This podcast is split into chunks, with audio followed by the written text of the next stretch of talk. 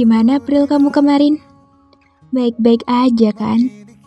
Ada banyak cerita ya di bulan April. Kalau bicara tentang bulan April kemarin, aku teringat satu malam yang tenang banget. Saling berbagi tawa, berkenala dengan malam, bahkan juga ada yang terasa bimbang, bingung, dan abu-abu yang bersamaan. Ada juga rasa kecewa dan bahagia dengan timing yang bersamaan juga. Juga ada suatu pagi yang cerah banget yang bikin aku semangat untuk segera bertemu dan menemukan bahagia yang baru.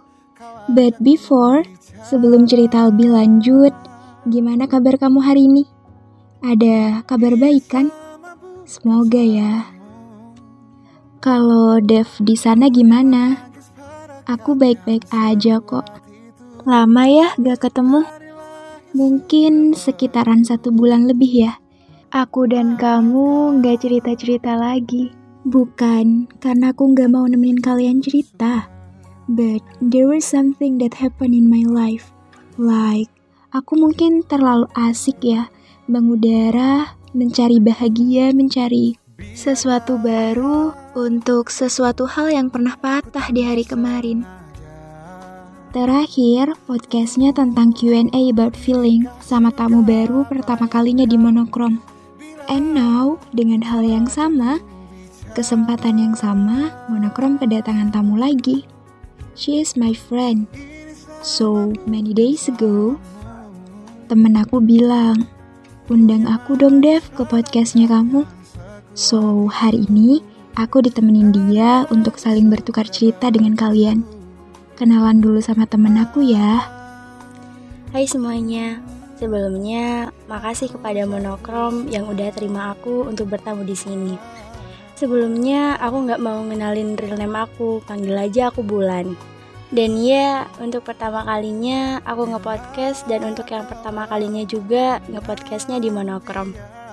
Aku di sini mau bertukar cerita nih Dev tentang aku bahkan mungkin tentang dia juga. Terima kasih juga atas kedatangan kamu ya dan selamat bercerita. Jadi gini Dev, dulu aku punya sahabat cowok. He is kind dan bisa dibilang dia teman dari kecil. One day aku dengar dia suka sama aku, tapi dia nggak ngungkapin hal itu, nggak pernah nyinggung soal perasaannya Maybe he feels like aku takut risih atau gimana. Ya waktu itu aku speechless. Harus bersikap kayak gimana biar gak nyakitin dia. Waktu itu aku bener-bener gak tahu harus ngelakuin apa. Seandainya Dev berada di posisi aku waktu itu gimana? Apa yang bakal Dev lakuin? Kalau aku sendiri, before aku bukan tipikal orang yang gampang suka apalagi gampang ngebales perasaan seseorang yang suka sama aku kalau nggak dari aku sendirinya yang suka duluan. So, seandainya aku berada di posisi kamu waktu itu, firstly, aku nggak bakal risih sama dia. Karena ya maklum udah temen dari kecil juga kan. And then, kalau soal perasaannya dia, aku pasti nggak ngelakuin hal apa pun, sama seperti kamu. Karena dia nggak ngungkapin perasaannya. Aku ikutin alurnya aja dulu layaknya temen akrab dari kecil. Dan kalau semisal one day he confess, dan aku juga punya perasaan yang sama, aku bakal bilang, that have same feeling, but aku nggak mau lebih sama kamu. Karena aku nggak mau kehilangan kamu. That's all itu aja sih menurut aku. Nah, setelah itu Dev, kejadian ini udah sampai lewat bertahun-tahun. Finally, dia ngungkapin perasaannya ke aku. Aku mikir, aku dan dia adalah sepasang sahabat. Seandainya I say yes, kemungkinan endingnya pasti putus kan. Aku nggak cuma ngerusak satu hubungan sama dia, tapi dua sekaligus. Hubungan pacar, bahkan sekaligus sahabat. Aku mikirnya kayak gitu, Dev. Bukan karena aku nggak sayang sama dia, dia baik banget dia ngerti gimana aku ya intinya aku rasa tuh semua tentang aku cuma dia yang ngerti kayak gitu masa di mana aku daun banget itu cuma dia yang ada buat aku bener-bener cuma dia awalnya Dia nerima alasan aku untuk hal itu. Kita udah berjalan biasa aja. Dia juga udah bisa deket sama orang lain. Aku seneng soalnya aku ngerasa kalau dia itu udah lupain perasaannya ke aku. Dia selalu cerita kalau dia deket sama orang lain ke aku. Jadi ya kita saling bertukar cerita gitu. Tapi pas si cewek terakhir ini, dia nggak cerita apa-apa sama aku. Tiba-tiba aku lihat dia sering post foto cewek itu. Aku kaget dan ya aku reply story dia kayak ngeledek gitu. Cie, udah punya pacar ya gitu. Dia cuma bilang hehe doang waktu itu. Terus gini lagi Dev, one day si ceweknya follow semua sosmed aku kayak Instagram, terus dia juga chat aku di WhatsApp. Ya aku mah biasa aja, mungkin dia pengen kenal lebih dekat sama aku. Aku sama sahabat aku ini kan udah biasa main kan, main game gitu ngumpul.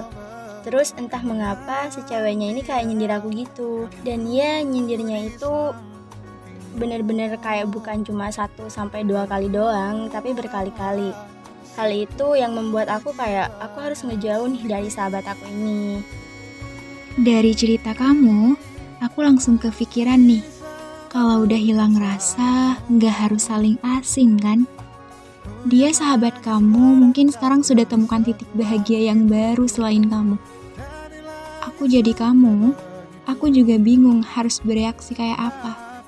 Soalnya, kalau dia udah punya pacar, pasti bakal ada jarak juga kan?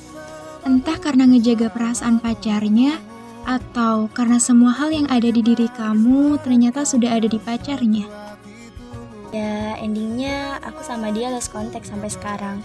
Mungkin cuma itu. Aku juga gak ngerti sih sama apa yang aku rasain. Entah rasa kehilangan sosok yang udah nemenin aku dari kecil atau kehilangan sosok yang lama dengan rasa yang beda. Sekarang kamu udah lost kontak kan sama dia? Toh dianya juga gak ada kejelasan sama kamu. Gak ngejelasin apa pun, jadi ya ya udah. Mungkin dia udah temukan bahagianya sekarang dan kamu juga harus begitu. Um, Oke, okay.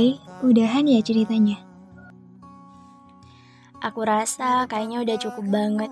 Udah sedikit lega dan semoga teman-teman semua yang lagi dengerin bisa dapat makna dari cerita singkat aku. Makasih ya, Dev. Terima kasih kembali. Oke, teman-teman mungkin dari Zinaf ya. Terima kasih banyak yang udah dengerin podcast. Aku dari awal sampai akhir. See you on the next podcast. Salam dari Monokrom. Bye